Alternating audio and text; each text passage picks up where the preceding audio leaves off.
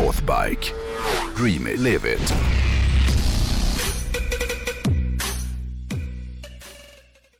Om det skulle vara så att någon har missat det så är jag ju just nu mitt uppe i min lilla följetong där jag för varje vecka går igenom ett av Northbikes varumärken och lyfter fram en motorcykel från respektive märke som jag tycker förtjänar epitetet ikon. Första veckan snackade vi om Triumph Bonnevillen. Veckan därpå var det HDs tur när jag hyllade deras XR 750. Och den här veckan har det blivit dags för ett annat märke som precis som HD också har en förkärlek för färgen orange. Vi ska nämligen snacka om Österrikes stolthet KTM idag. Ah, det kunde jag nästan gissa när du sa orange. Ja, KTM har ju byggt många balla maskiner genom åren och, och skaffat sig ett rykte som ett ganska hårt och coolt märke. Och det här tänkte jag ta fasta på idag när jag ska snacka om en hoj som i mitt tycke är den hårdaste och ballaste hojen av dem alla. Åtminstone när det kommer till KTM. Nu är det säkert många som lyssnar på det här som gissar att jag kommer att säga 1290 Superduk som ju är ett läskigt monster om man som jag är en liksom ytterst novis hojåkare. Men det är faktiskt en annan hoj som jag vill lyfta fram som något av det mest brutala och skoningslösa som kommit från Österrike, om man bortser från deras lilla galna man med lustig mustasch då, för han var ju, ja, det, det var ju värre på något sätt. Ja.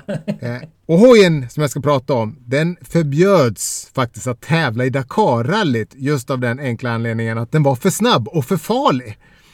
Eh, och, och det är då alltså deras 2004 års KTM 950 rally. Hojen som senare skulle komma att ligga till grund för deras 950 och 990 Adventure. Det är ju något väldigt, väldigt fränt med, med bilar och motorcyklar som förbjuds i rallysammanhang Ah. för att de är för farliga. Liksom. Eller hur? Eller hur?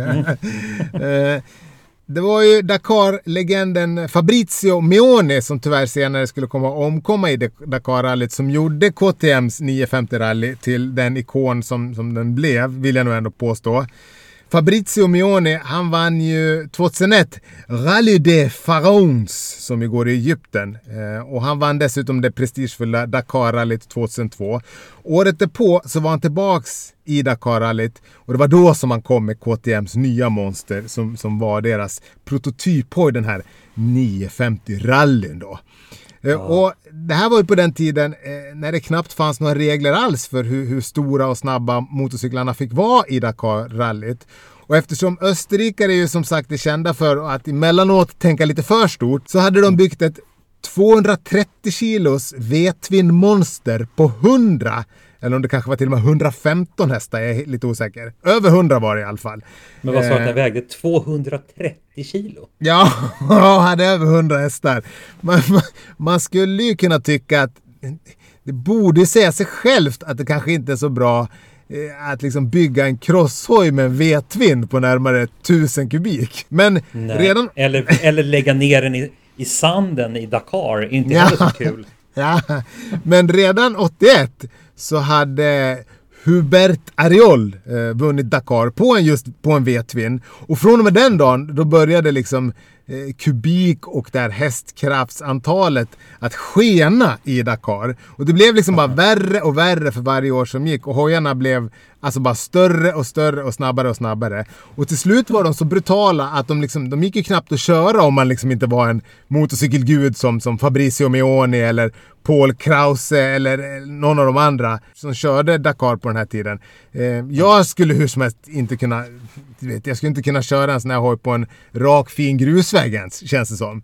Eh, men så var det i alla fall på den tiden och även eh, om det här är helt vansinnigt ju så är det ju omöjligt att inte älska Dakar-hojarna från den här tiden. Eh, när de kunde liksom ligga och marschputtra i 190 knyck. Men eh, 2006 då, då tog ju allting slut. För då hade tävlingsledningen fått nog och då förbjöd man tvåcylindriga motorcyklar att tävla. Och man ändrade även reglerna så att hojarna blev mindre och, och liksom inte lika snabba. Eh, redan innan hade man ju försökt att göra om bansträckningarna så de, liksom, de, skulle, de blev ju liksom lite mer knixiga och så det skulle löna sig att köra med mindre hojar. Men det här sket ju både BMW och Yamaha och, och Kagiva och Honda och KTM. De struntade i det utan de fortsatte att liksom bara bygga stora fartmonster. Så till slut så kände sig tävlingsledningen, ja men de var tvingade att göra något åt det här. Eh, vilket på ett sätt är lite synd, men såklart det var ju det vettiga att göra för folk dog ju som flugor ute i öknen när de liksom kraschade i 200 knyck bland stenar och ja, du vet ju hur det såg ut liksom. Ja, ja, ja visst. Det var ju som Grupp E-bilarna i rallycross också. Eller rally. Ja, exakt, exakt. Så när den här hojen förbjöds att tävla så satt ju österrikarna helt plötsligt, då hade de helt plötsligt en otroligt brutal maskin eh, som mm. hade visat att den liksom kunde vinna Dakar, eh, men som inte fick tävla längre. Men eh, det här var inget problem för KTM, för de har ju alltid gillat att liksom låta modeller som liksom haft tävlingsframgångar eh, bli modeller för gatan. Så det de kom fram till det var ju såklart att 950 rallyn, eh, den, måste de, den de måste vi göra någonting med. Och den då fick stå liksom modell för deras 950 Adventure som faktiskt kom året därpå. Och enligt KTM så var 95 procent eh, av 950 Adventuren eh, identisk med hojen som, som Fabrizio Mioni vann rallyt med.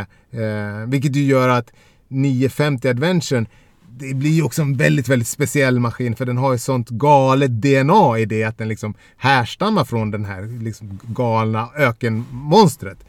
Ja. Och det är ju alltså, lite det, är, det här... det är ett fruktansvärt bra DNA. Alltså ur ett, ur ett varumärkesperspektiv att bygga en hoj som, som har förbjudits sedan tidigare. Det är ju i, att köra världens bättre. farligaste och hårdaste rally. Ja, men jag vet. Ja. Och det är just det här som skiljer KTM och konkurrenten BMWs största maskiner åt. För BMWn den är ju byggd för att liksom ta sig runt jorden tryggt och smidigt. Medan då den här stora KTMen den har ju väldigt mycket race-DNA i sig och den är liksom mer byggd för att ta sig igenom liksom ödemarken så snabbt som möjligt. Ja, så, så det här är den stora skillnaden med liksom, mellan BMWs största maskin och KTMs största maskin. Eh, ja. Den stora nyheten för Adventure 950 var ju förstås den här tvåcylindriga LC8-motorn. Och KTM hade ju innan den här hojen kom eh, mer varit förknippade med encylindriga motorer. Eh, så det här var ju något helt nytt då. Och 2005 var motorn bestyckad med en 43 eh, mm förgasare och hade 942 kubik. Men 2006 ja. så fick den insprutning då och väx, växte till 999 kubik. Och för att kunna vinna ökentävlingar med liksom med, med, med de hade, det var liksom dagstapper på 70 mil körde man ju, alltså i, i Dakar. Och då hade KTM liksom försökt att bygga en så tillförlitlig och stark motor som möjligt.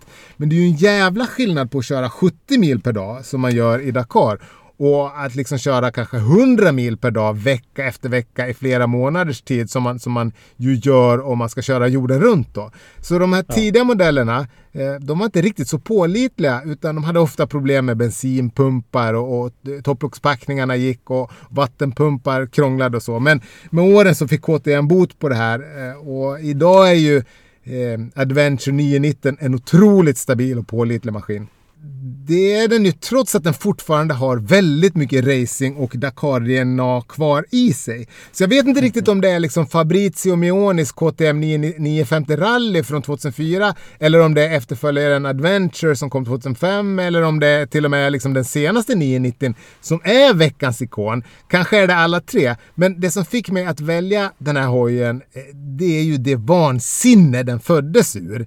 Eh, ah. När den då för snart 20 år sedan tillsammans med just Fabrizio Mioni flög genom öknen med liksom en sån fart att tävlingsledningen till, i Dakar till slut kände sig tvingad att, att förbjuda den här hojen.